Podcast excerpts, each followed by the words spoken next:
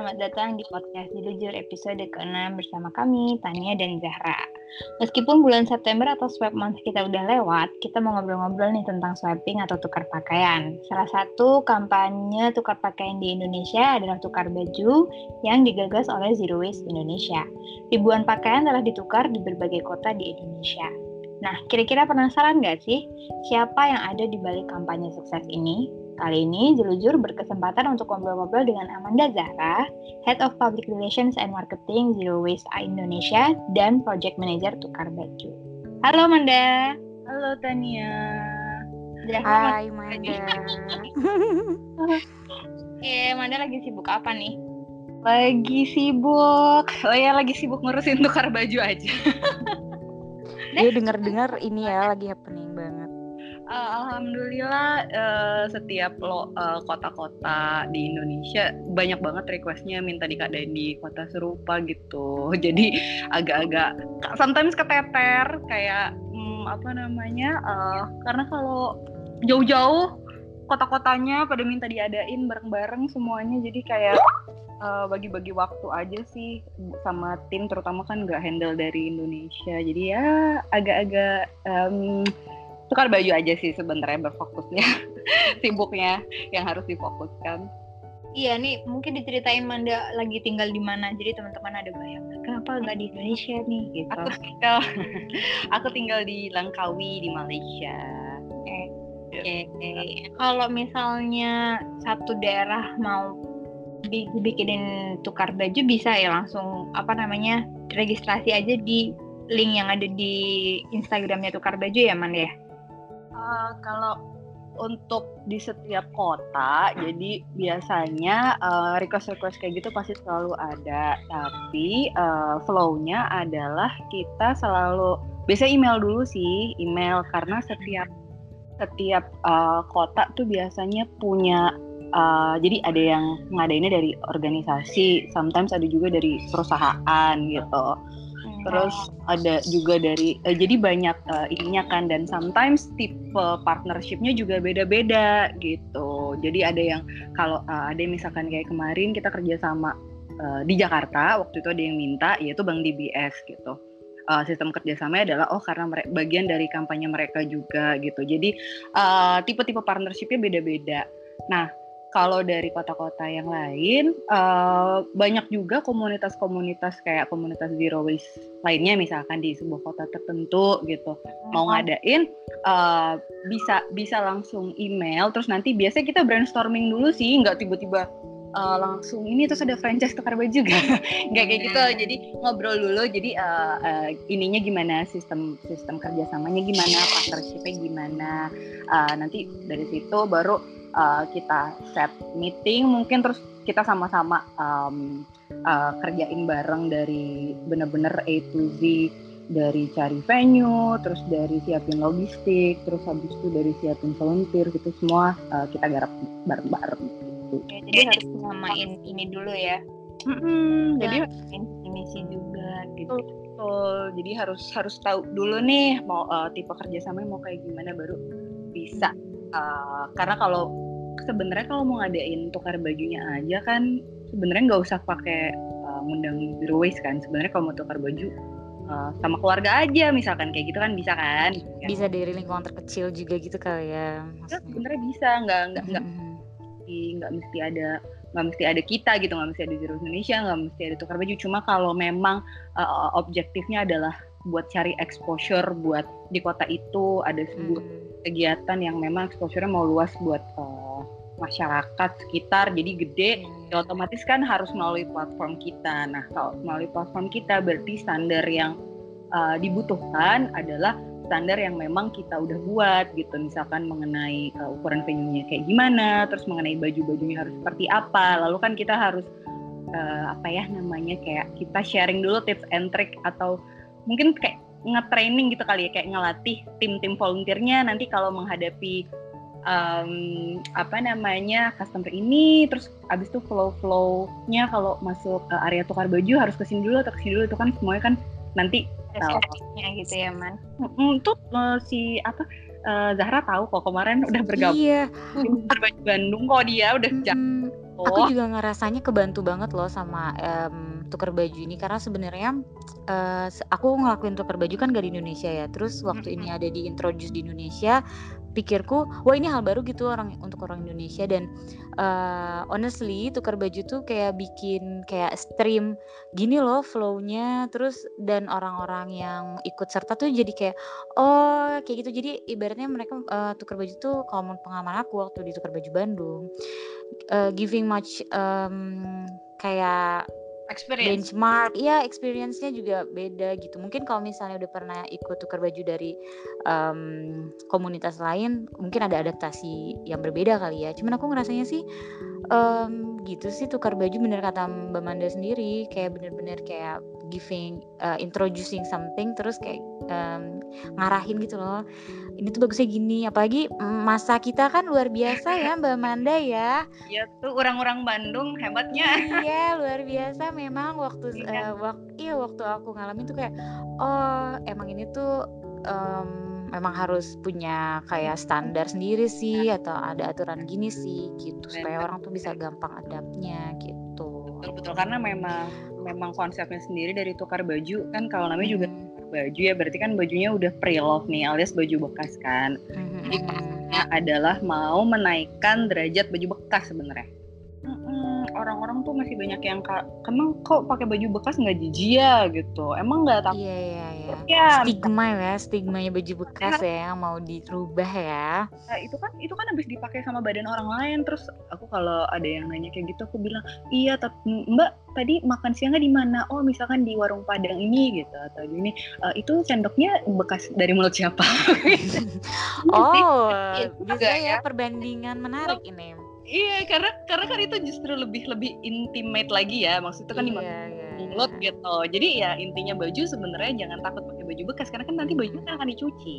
Mungkin resikonya resikonya mungkin terlihat sama besar tapi orang tetap makan di rumah makan Padang gitu dengan utensil yang sama.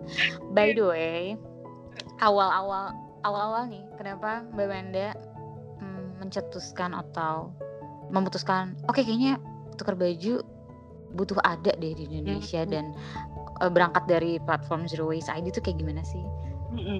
Jadi gini, uh, komunitas Zero Waste Indonesia itu kan terbentuk di tahun 2018, di mana memang setiap tahunnya kita merumuskan uh, kampanye tahunan. Jadi yang waktu pas 2018 fokusnya kepada uh, namanya juga kan zero waste ya, berarti kan mengenolkan sampah. Sedangkan kita tahu dong yang namanya sampah itu kan uh, macam-macam nih bentukannya ada sampah plastik, ada sampah uh, organik, ada sampah makanan lah, lalu sampah tekstil dan sampah emisi karbon ya semuanya lah banyak hmm. kategori-kategori sampah. Nah, uh, waktu 2018 kita fokusnya adalah kepada single use plastik. Jadi memang betul-betul kita fokusnya ke sampah plastik sekali pakai gitu. Okay. Nah, uh, karena memang bentukannya kampanye tahunan jadi di, di 2019 kita jadi uh, Zero Waste Indonesia ini uh, dulu waktu pas awal-awal baru jadi ada uh, aku dengan Maurila Maurila uh, domisilinya di Bali dia. Jadi dia foundernya Zero Waste Indonesia.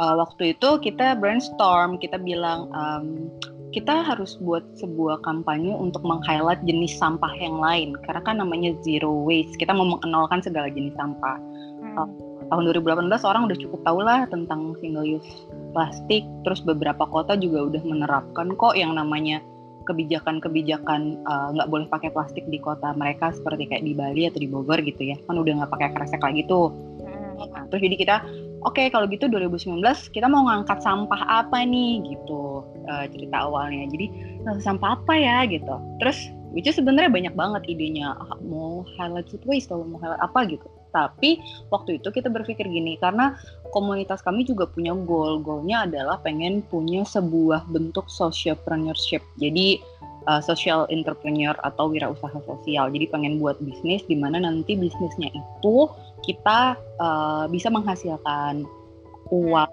untuk ya maksud namanya juga bisnis ya kita kan mau profit ya. Tapi profitnya itu eh, nggak uh, hanya buat kita semata tapi juga bisa menghidupi orang-orang yang bekerja di dalamnya dan juga uh, memberdayakan masyarakat sekitar dan tentunya baik bagi lingkungan Nah, akhirnya kita menstrategikan, memformulasikan, oke okay, bentuk badan usaha apa nih yang kalau kita highlight sampahnya, kita bisa kayak gini, kita bisa punya bentukan bisnis berusaha sosial kayak gini gitu. Akhirnya kita uh, sepakat untuk oke, okay, mari kita memfokuskan kepada sampah uh, fashion dan limbah tekstil. Jadi memang karena itu oke okay, kalau gitu kita buat aja aktivitas. Aktivitas apa ya yang yang fun? Namanya juga orang disuruh disuruh buat nggak nyampah tapi kayak disuruhnya misalkan uh, cuma pakai seminar-seminar gitu kan kan boring juga gitu ya. Jadi kayak oke okay, kita buat sebuah aktivitas nih. Aktivitas apa ya yang bisa menarik uh, perhatian um, banyak masyarakat? Akhirnya oke okay, kalau gitu kita buatlah uh, konsep ini cloud swapping atau bahasa Indonesia ya tukar baju. Akhirnya kita betul-betul pakai nama tukar baju itu sebagai ibaratnya brand kita. Jadi kayak hmm, ini jadi sebenarnya tukar baju ini kampanye, kampanye yang digagas oleh Zero Waste Indonesia untuk menanggulangi sebagai salah satu solusi untuk menangani sampah fashion dan limbah tekstil di Indonesia. Yang harapan ke depannya adalah nanti di tahun depan kita insya Allah doain sama-sama udah bisa punya toko fisik tukar baju. Jadi pengen banget ada kayak toko, tokonya ya orang datang karena kan kemarin kalau sistem kita selama ini walaupun udah ada di empat kota itu kayak masih satu hari satu hari satu hari. Sedangkan iya, kayaknya iya, ya mungkin ada kan orang yang hobinya kayak belanja baju misalkan sebulan sekali gitu. Misalkan ada nah daripada beli baju baru terus habis itu ngedukung fast fashion misalkan ya udah ditukar aja bajunya gitu jadi dari aktivitas itu kan dan dengan tukar baju kita sebenarnya nggak cuma ngegelar aktivitasnya aja tapi juga kita ngegelar uh, kayak satu jam sesi sharing. Jadi di sharing itu kita berbagi uh, cerita dari misalkan uh, apa namanya kayak orang-orang yang sudah bergerak dalam bidang sustainable fashion juga dari brand-brand yang sustainable. Misalkan mereka sharing tentang gimana sih perkembangan tentang si sampah tekstil ini di Indonesia gimana, terus gimana cara nanggulanginnya sama-sama kayak gitu. Jadi uh, pengunjung yang datang nggak cuma fun aja uh, dapat aktivitasnya, tapi juga dapat ilmu gitu. Iya. Yeah. Nah, itu tadi sesi sesinya tuh lesehan santai namanya ya, Man ya. Ya, lesehan santai. Uh, sesi, uh, macam-macam tergantung kalau duduk berarti namanya bukan lesehan santai. duduk santai. Uh, uh, duduk santai. Terus kalau santai waktu itu pernah ngadainnya waktu bulan puasa jadi namanya ngabuburit santai. Oh gitu. Oh, kayak iya benar kan, ide bagus sih itu. Jadi nggak lapar-lapar banget gitu ya ngabuburitnya. Bener bener bener iya. Iya buat yang belum tahu mungkin belum pernah datang ke event tukar baju, tukar baju juga ada tagline ya man. Ini tagline-nya juga menurut aku banget sih. Ya jadi uh, tagline tagline-nya itu adalah uh, tukar baju nggak perlu beli baru gitu. Hmm Nah kalau ini nggak, eh, ini coba ya aku kalau kalau aku ngomong tukar baju kalian jawab nggak perlu beli baru, tapi dengan deodoran. Coba ya. Kok jadi malah ini? iya, jadi iya. Padahal kita tadi ya niatnya mau mencontohkan diri brand ambassadornya. Hey. Dibalikin pinter amat sih emang nih. Kalau tukar baju kita nggak perlu beli baru gitu. Ini lebih seru kalau rame-rame. Kalau iya sih, dan emang catchy banget. Jadi ya. Nah, Man, tadi mungkin udah diceritain sedikit yang paling menantang dari program ini selain kayak Manda jauh, nggak nggak sama-sama di Indonesia, terus habis itu ada volunteer suka. Bisa nggak diceritain hal lainnya apa yang paling menantang dari Manda ngejalanin program ini kampanye di bulan Maret? Apalagi, iya, apalagi kalau pas uh, di lapangan gitu, kayak yang nggak kebayang sebelumnya terus tiba-tiba ada itu pengen tahu banget nih kita nih challenge-nya berarti ya tantangannya dari sepanjang dari bulan awal bulan Mei ini di launch sampai sekarang tantangan yang paling nyata sebenarnya adalah sumber dana sih sebenarnya dana operasional. Karena uh, komunitas Zero Waste Indonesia kan memang bentuknya masih 100% jadi semua yang terlibat uh, di dalamnya di dalam setiap aktivitas uh, Zero Waste Indonesia itu memang semuanya voluntarily sifatnya alias uh, sukarela. Ya kan? Coba Zahra. Iya iya. Tepat nah, jadi, sekali. Jadi um, ya uh, karena sedangkan sedangkan kalau melihat dan mau menjawab permintaan orang-orang yang mau meminta tukar baju di ada di berbagai kota uh, hal kayak gitu kayaknya rasanya nggak mungkin. Karena um, namanya misalkan kita kan kebanyakan uh, jadi gini kita punya tim yang memang base-nya di Jakarta sedangkan saya sendiri kan base-nya bukan di Indonesia ya di Malaysia jadi kalau misalkan mau ada event-event kayak begitu berarti kan perlu nih perlu terbang perlu ngawasin perlu supervisi gitu kan hmm. walaupun walaupun enggak uh, apa namanya jadi walaupun um, mungkin mungkin untuk uh, setelah sekarang setelah udah tujuh kali terlaksana mungkin saya udah nggak butuh lagi lah untuk terbang dan ngawasin langsung. Tapi kan namanya misalkan mintanya dari luar kota misalkan dari ada Surabaya nih mau ngadain tukar baju atau dari uh, Bali gitu kan uh, tetap aja tetap butuh tim yang memang udah pernah uh, maksudnya jadi tim internal ya yang udah ngadain uh, tukar baju berkali-kali. Tim kami itu dari Jakarta untuk terbang ke sana. Terus habis itu belum lagi uh, untuk itu kan transportasi akomodasinya belum lagi. Terus habis itu gimana soal rak-rak baju? Jadi untuk uh, areanya supaya jadinya seperti tukar baju itu idealnya itu harus kayak gimana itu kan? Kita butuh uh, banyak rak lalu hanger-hanger lalu meja dan segala macam. Dan terutama pasti yang paling penting dalam sebuah event adalah venue-nya mau di mana. Nah kan banyak juga venue yang selama ini alhamdulillah kita selalu didukung sama orang-orang yang memang punya uh, visi misi serupa dan akhirnya ayo kita kerjasama uh, kita kolaborasi oke okay, boleh pakai tempat kami uh, gratis gitu untuk kerjasamanya gini gini gini dan segala macam lah itu nah tapi kan tetap semuanya terutama uh, tim volunteer karena uh, kurang lebih kan setiap event tuh butuh 20 kan volunteer gitu. Terus kan kita butuh biaya operasional butuh makan, terus habis itu butuh snack snack, butuh macam-macam. Basic human needs gitu ya, Beb. Hmm, tepat sekali ya. Karena capek banget itu seharian tuh karena orang tuh Zahra coba kamu kan kemarin merasa orang tidak tidak berhenti ya datang ya setiap iya kan antusiasmenya tuh besar banget dan um, somehow walaupun voluntarily tapi bener-bener ngeliat kayak antusias um, masyarakat tuh jadi kayak oh ternyata orang segini ininya ya menunggunya ya event tukar baju tuh sampai waktu itu banyak banget yang nanya ini kapan lagi? Ada ya mbak terus kita kayak speechless um, sebenarnya kita pun belum ada rencana. Mungkin nanti akan ini juga belum um, selesai ya. iya ini juga belum beres gitu.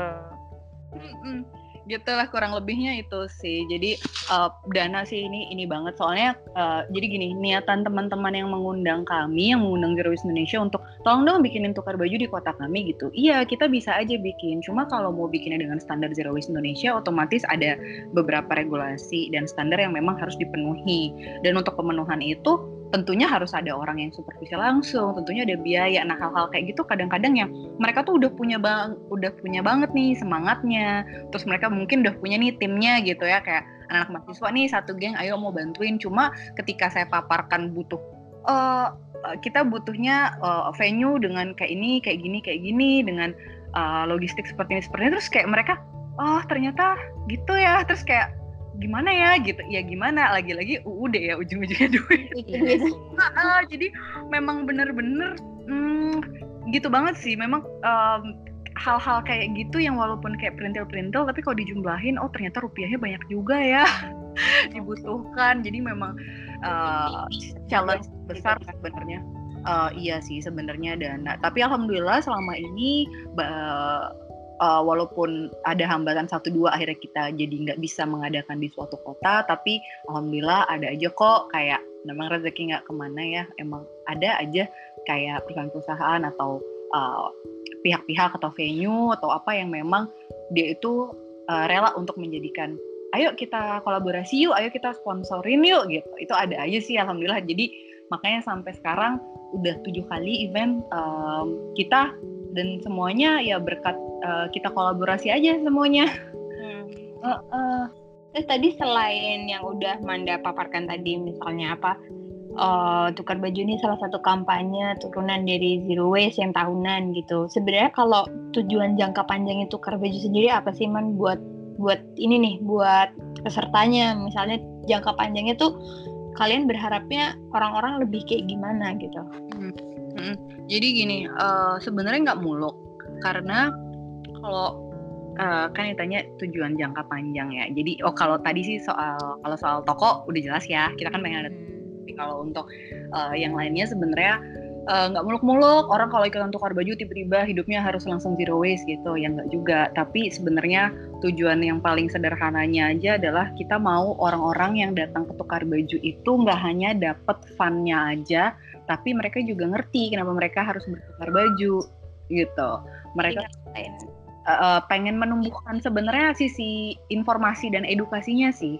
Jadi hmm. setidaknya uh, uh, uh, setidaknya mereka dengan aktivitas ini dengan pernah ikut ini seenggaknya sadar dulu aja kalau soal gaya hidup yang tiba-tiba langsung berubah itu kan pilihan ya. Dan nggak semua orang mungkin cocok dengan gaya hidup yang kayak gini. Dan namanya kan gaya hidup nggak bisa dipaksakan. Tapi seenggaknya mereka aware dulu aja karena kami selalu menghargai bahwa perubahan itu kan ya yang penting uh, slowly tapi benar-benar slowly but sure gitu. Jadi benar-benar pelan-pelan tapi uh, nanti ada benar-benar di akhir ya alhamdulillah kalau misalkan tiba-tiba oh ya langsung pengen beralih ke uh, langsung pengen belajar sustainable fashion dan semuanya termasuk saya nih. Kayak hmm. dulu kayak dulu sama sekali emang dan hobi banget kan dulu tuh belanja baju gitu. Um, jadi pas apa namanya awal-awalnya ada ini jadi kayak uh, jadi kayak belajar juga sih sebenarnya. Jadi kalau di Zerus Indonesia kita punya uh, hashtag juga yaitu kita guru kita murid. Jadi bukan berarti yang ada di tukar baju bukan berarti saya, bukan berarti Movila atau semuanya yang ada di Zero Waste Indonesia itu lebih jago tentang zero waste, lebih jago tentang sustainable fashion dan everything, lebih jago tentang nanganin uh, sampah tekstil, uh, limbah fashion enggak, tapi kita semua dengan ini ayo kita belajar sebenarnya sama-sama gitu. Terutama ngelihat uh, kayaknya sih kalau di Indonesia uh, berkali-kali kita uh, bersinggungan dengan berbagai macam orang-orang yang bergerak dalam bidang pertekstilan dan gimana berkelanjutannya ini di Indonesia kita belum menemukan sih kayak ada suatu lembaga yang memang betul-betul menyoroti mengenai si sampah tekstil ini. Dan semoga dengan adanya tukar baju ini dan mereka tahu message-nya apa semoga ya nanti ada nanti ada tindak lanjutnya ke depannya. Nggak tahu ya mungkin ke depannya ada uh, recycle khusus uh, kain gitu. Khusus gitu kan atau Hmm, jadi benar-benar itu sih sebenarnya idenya nggak muluk tapi yang penting orang aware aja dulu, orang paham dulu. Jadi kita uh, benar-benar pengen menyebarkan it, apa uh, edukasinya ini benar-benar segeneral mungkin, seluas mungkin. Seluas mungkin, segeneral mungkin dan membuka opportunity buat banyak pihak ya sesuai kapasitas mereka nanti bisa ngebantu dari bidang mana gitu ya Man ya. Betul betul. betul. Dan memang aku juga ngerasain sih karena um, aku juga banyak belajar dari experience-nya tukar baju Bandung kemarin. Um, kerasanya tuh waktu kita pulang gitu loh Mbak Manda. Maksudnya aku selalu bertanya kenapa swapping itu lebih diutamakan daripada thrifting. Padahal kan sama-sama second hand things, you know. Tapi pas aku banding-bandingkan memang kalau kita swapping jumlah pakaian di lemari kita tuh paling tidak tidak bertambah karena misalnya kita bawa lima ya bisa mm-hmm. bisa ditukar lima jadinya lima lima gitu loh. Sementara kalau misalnya kita thrifting atau pergi ke second hand shop untuk beli baju ya lama-lama bakalan numpuk juga baju kita gitu. Jadi aku mendapat insight itu mem setelah membandingkan dari dua experience itu. Dan aku harap uh, partisipan-partisipan tukar baju juga bisa nggali uh, insight yang lebih banyak sih dari experience ini. Dan juga nih, gimana sih sebenarnya prosedur tukar baju yang menurut standar Zero Waste ID ini, Mbak Mani bisa ceritain kan? Hmm, dari namanya aja kan udah tukar baju, so literally kita benar-benar bertukar. Jadi bawa baju kita maksimum 5, terus nanti bajunya akan dikurasi alias dicek kelayakannya, nggak boleh ada cacat jadi benar-benar kondisi yang diterima oleh tim kami harus benar-benar kondisinya baik. Terus habis itu uh, setelah lulus kurasi akan mendapatkan token. Jadi tokennya itu berguna sebagai alat tukar atau sebagai uang lah ya, gitu. Hmm. Nanti setelah mendapatkan token, pengunjungnya bebas masuk ke area aktivitas tukar bajunya. Di situ mereka uh, bebas saja untuk milih baju apa pun yang mereka suka yang mereka bisa temuin di sana. Jadi misalkan mereka tadi ngedrop lima limanya dress tapi mereka bisa terserah deh pulangnya bisa bawa celana atau bawa atasan atau bawa rok atau uh, segala macam yang jadi nggak ada nggak ada misalkan kalau celana hanya boleh ditukar dengan celana aja nggak. Jadi tapi bebas benar-benar bebas. uh, karena karena memang uh, konsepnya memang kami konsepkan sedemikian rupa jadi kayak masuk toko gitu ya. Jadi benar-benar kayak masuk toko baju ada atasan ada bawahan ada terusan ada gamis ada ya macam-macam gitu kan. Jadi hmm. memang uh, luas banget pilihannya. Jadi benar-benar mereka dengan si token itu dengan lima token itu mereka bebas untuk uh, memilih bajunya. Nanti baju yang mereka udah pilih di dalam area aktivitas tukar baju mereka bawa ke kasir tokennya mereka kasih ke kasir and then udah mereka pulang bawa baju baru tanpa harus tanpa harus keluar duit lagi ya yeah. uh, duit lagi ini ini karena ini karena masih campaign jadi masih gratis nih tunggu ya nanti kalau udah offline store iya nggak tapi tapi emang ada planning sebenarnya kayak uh, uh, untuk Target. kota yang udah pernah hmm. pengen ada planning untuk untuk apa namanya untuk uh, ada fee masuknya iya kayak harga ya. tiket masuk gitu ya uh, ya tapi kan sebenarnya bukan ini kan namanya juga kita kan lembaga non profit kita nggak yeah. memakan uang ini sendiri segala macam hmm. tapi jadi for operational mungkin atau operasional dan benar-benar hmm. kita kan cita-citanya punya toko sedangkan punya toko itu kan dana yang dibutuhkan kan banyak banget hmm. jadi uh, memang buat operasional betul-betul sih. Jadi uh, jangan khawatir teman-teman uangnya akan worth it banget kok. Ada ada rasa kepuasan sendiri ketika gini kalau charity charity aja kayak nyumbang nyumbang terus nggak tahu ini buat apa kan rasanya kayak uh, oh oke okay, gitu, gitu udah tapi ketika tahu tiba-tiba oh oke okay, menyumbang uh, bukan menyumbang sebenarnya kayak membayar tiket masuk terus dapat experience tukar bajunya terus uh, apa namanya tiba-tiba kayak tahu oh ini ternyata uang yang barusan dipakai dipergunakan loh buat biaya operasional buat gini buat gitu. Ada rasa kayak kesenangan sendiri gitu loh karena bisa ibaratnya bisa merasakan berkontribusi lebih terhadap penyelamatan lingkungan gitu. Uh, jadi konsumen itu yang didapetin konsumen dari transparansi ya. Rasanya oh. jadi kayak uh, oh memang aku ngeluarin segini buat dapat segini yang mereka pun juga ngambil berapa kita tahu gitu loh buat apa-apa aja. Yeah. Jadi responsible apa ya? Jadi jatuhnya kita konsumen pun jadi ngerasa itu responsible consumption gitu kan. Betul. Eh, yeah. terus tadi nambahin yang Zahra ngomong soal insight uh, hmm. mau share lagi jadi sebenarnya insight yang lain yang ditemukan adalah gini uh, rasanya tuh happy banget ketika jadi gini sistemnya tukar baju kan ketika kita ngedrap baju kita ada tim yang seperti Zahra kemarin yang bernama hmm. Hackerman yang bertugas yeah. menggantungkan yep that was me mm -mm. Jadi menggantungkan baju-baju yang diterima oleh para uh, pengunjung itu langsung digantungin langsung ditaruh di rak-rak langsung disusun berdasarkan warna tuh disortir berdasarkan warna. Nah ketika uh, si pengunjung itu naruh bajunya terus tiba-tiba baju diambil sama pengunjung yang lain terus tiba-tiba dia lihat bajunya terus abis itu kayak diperebutkan nih. Sometimes ada juga drama-drama kayak eh, aku mau ini ya hmm. kayak diperebutkan gitu. Terus uh, akhirnya dia punya kayak kepuasan batin bahwa di, dia ngerasa karena kita banyak banget terima DM terima kayak uh, kayak sharing-sharing email dan segala macam. Dia bilang thank you banget udah ngadain tukang tukar baju dari uh, dari event ini. Aku tuh bener-bener ngerasain dan memandang ngelihat dengan mata kepalaku sendiri bahwa ternyata baju yang udah aku nggak suka baju yang nggak spark joy yang baju yang menurutku ini kayak ini kayak sampah lah sebenarnya ya kan. Karena sebenarnya dia udah kayak mau ngasih gitu aja gitu kan. Udah nggak berguna bagi dia tapi ternyata uh, ini tuh menjadi harta buat orang lain terus orang yang pakai tuh happy gitu. Sometimes kalau kita lagi nge-repost um, misalkan ada uh, ada orang nih foto OOT ditukar baju kan kita sering repost eh terus tiba-tiba dibalas eh itu kan baju aku gitu itu jadi menemukan mantan pemilik gitu ya dengan pemilik barunya seneng banget ternyata baju aku berguna gitu itu bedanya sih kalau misalkan kita donasi ke sebuah tempat uh, misalkan tempat donasi baju yang lainnya kan kita nggak tahu ya baju kita yeah. Iya. betul disalurkan satu terus dua yang pakai siapa kita nggak tahu gitu kan. Nah apakah dipakai juga mm -mm. atau enggak kita kan nggak tahu ya. Uh, bener kalau ditukar baju tuh kita bener-bener kayak langsung di depan mata kepala kita sendiri kita ngelihat bahwa oh ternyata rok aku barusan diambil sama mbak itu malah diperbutkan lagi sama mbak yang itu yeah. gitu.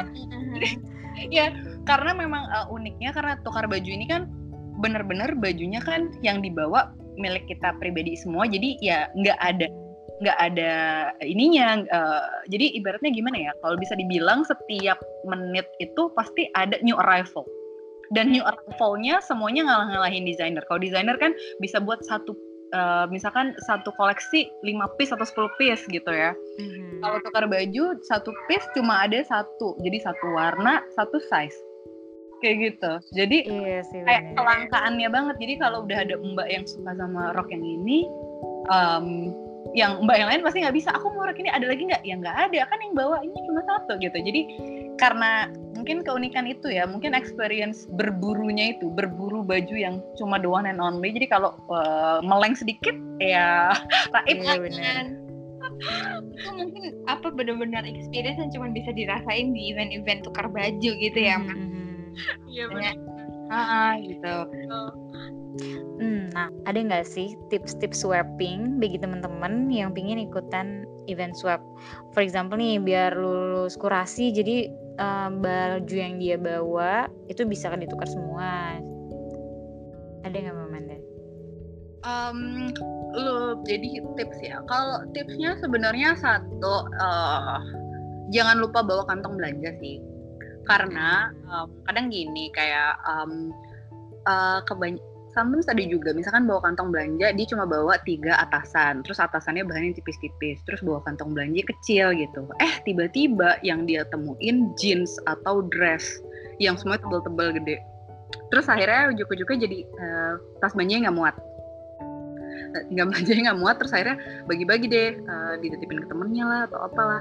Intinya adalah karena di event kami, kami nggak menyediakan shopping bag jadi kita memang karena eventnya juga event zero waste, kami encourage semua pengunjung yang datang untuk bawa uh, backpacknya sendiri, untuk bawa kantong belanjanya sendiri. Jadi misalkan udah kayak udah eh, mbak tapi saya nggak punya ini ada paper bag ya nggak ada bu. Kan udah ditulis. Bener-bener uh, nggak. Uh, jadi jadi yang satu pasti uh, make sure bawa kantong belanja. Jadi karena kalau habis shopping nanti jangan sampai bingung naruh belanjanya di mana gitu. Karena engkau tidak akan pernah tahu model bentuk baju apa yang nanti yang kau terima.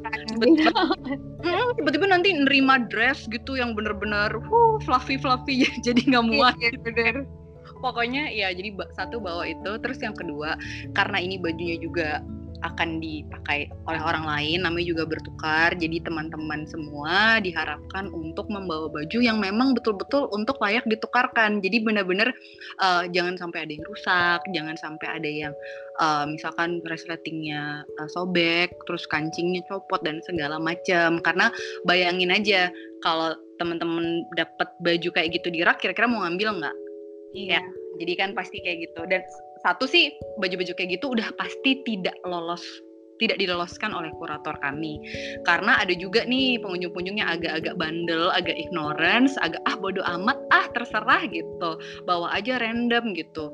Jadi bawalah baju-baju yang agak-agak ya kayak agak-agak kurang ini ya kurang layak gitu. Sebenarnya gini layak mungkin bagi kita cuma karena kita bener-bener uh, nerima bajunya benar-benar nggak boleh ada cacatnya sedikit pun, nggak boleh ada nodanya sedikit pun.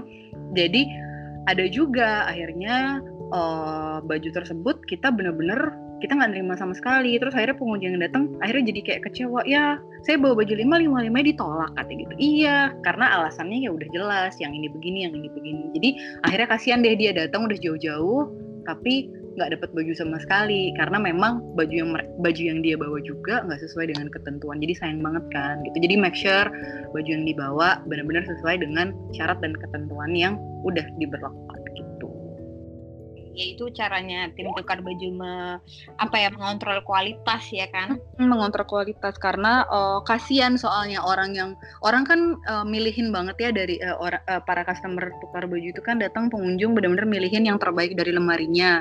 Bayangin aja udah ngeluarin baju-baju yang yang bagus-bagus yang yang pokoknya oke okay punya menurut dia terus tiba-tiba pas ke sana uh, tiba-tiba ah kok bajunya kayak gini doang ya? Oh tiba-tiba misalkan oh kok ada nodanya? Gitu. Karena ya sejago-jagonya kurator kami yang namanya menerima seribu baju lebih per hari gitu ya itu kan matanya iya. manusia juga beb. Kami juga manusia bukan mesin gitu. Jadi kadang-kadang ada juga nih aduh benangnya ini sedikit gitu. Itu aduh itu nggak pakai itu nggak bisa itu harus ditolak. Ya gitu sih. Jadi kurang lebihnya jadi kadang ada juga baju-baju kayak gitu masih kelolosan tapi bukan karena sengaja tapi emang karena hilaf. Mungkin lapar mungkin butuh snack sore. Atau mungkin butuh sponsorship. Mangga mengundang bagi sponsorship yang berminat hubungi tukar baju benar, nah, benar. yang terakhir nih kita udah sampai di penghujung bincang-bincang kita Cila. Amanda ada take away message nggak nih buat pendengar podcast Jelujur kali ini ke Jelujur terutama berkenaan dengan sustainable fashion? Hmm, kalau ditanya pesan pesan-pesan ya. Oke, um, gini, kalau mau ngadain tukar baju, mau kolaborasi, mau ada ide-ide apa pun itu, feel free banget untuk reach out kita ada di Instagram @tukarbaju underscore. Nanti kita biar bisa brainstorm ide-idenya apa. Terus yang kedua uh, adalah jangan pernah takut untuk mencoba dan jangan pernah nganggep yang namanya belajar sesuatu yang baru dalam hal ini yaitu belajar sustainable fashion itu sulit karena uh, kita kan di sini belajar sama-sama jadi jangan pernah ngerasa oh kalau sustainable fashion berarti harus pakai bajunya linen semua atau katun organik semua gitu. Atau harus belinya dari sustainable fashion brand gitu? Enggak. Tapi ada ada banyak banget cara ada banyak banget cara. Dan salah satu adalah swapping ini. Salah satu adalah dengan bertukar ini. Sebenarnya kita juga udah one step closer to sustainable fashion atau bahasa Indonesia uh, fashion yang berkelanjutan ya gitu. Ya. Jadi ayo kita mari kita sama-sama sih di sini belajar karena terutama di Indonesia juga subjeknya masih agak jarang diperbincangkan. Hmm. Jadi uh, itu dia ayo uh, terus terus uh, terus terus punya keinginan untuk belajar, terus punya keinginan untuk uh, cari tahu lebih banyak, berbagi ilmu. Jadi ya, jadi ya, ya jangan patah semangat sih, terus coba gitu. Okay. Intinya di penasaran ya man, penasaran nih sampah kita ntar mau ke mana, terus penasaran cara solusinya kayak gimana gitu kali ya man.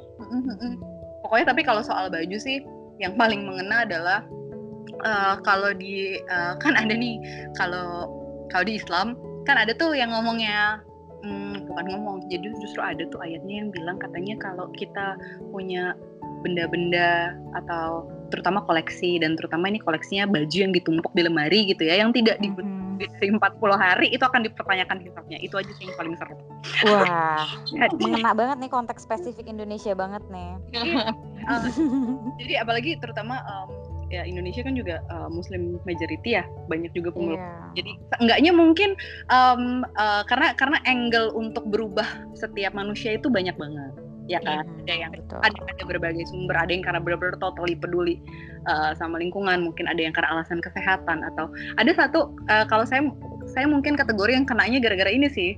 Uh, saya lebih pokoknya saya lebih pilih buat mendingan gue agak susah di dunia uh, alias kayak ya lebih mindful. sakit-sakit dahulu gitu ya. lebih mindful untuk kayak mikir perlu perlu nggak sih baju ini? Atau ah kalau nggak hmm. cari pre-love aja deh oh, atau enggak gini deh. Lebih lebih baik itu daripada nanti di di sana dipertanyakan gitu kan. Itu bajunya kenapa nggak dipakai? Oh ada ada pertanggung jawabannya gitu. Jadi ya mungkin itu itu sih jadi kayak harus um, bener-bener kalau mau berubah ke arah yang lebih baik satu find the reasons why-nya sebenarnya kenapa mau berubah kenapa mau belajar sustainable fashion gitu loh kenapa jadi uh, selalu tanya ke diri sendiri kenapanya gitu. Thank you Manda untuk waktunya. Thank you juga Tania dan Zahra. Iya. Tentang semoga ter terinspirasi bagi yang mendengarkan nanti. Iya. Pastinya sih pastinya. Makasih banyak ya. Sama-sama.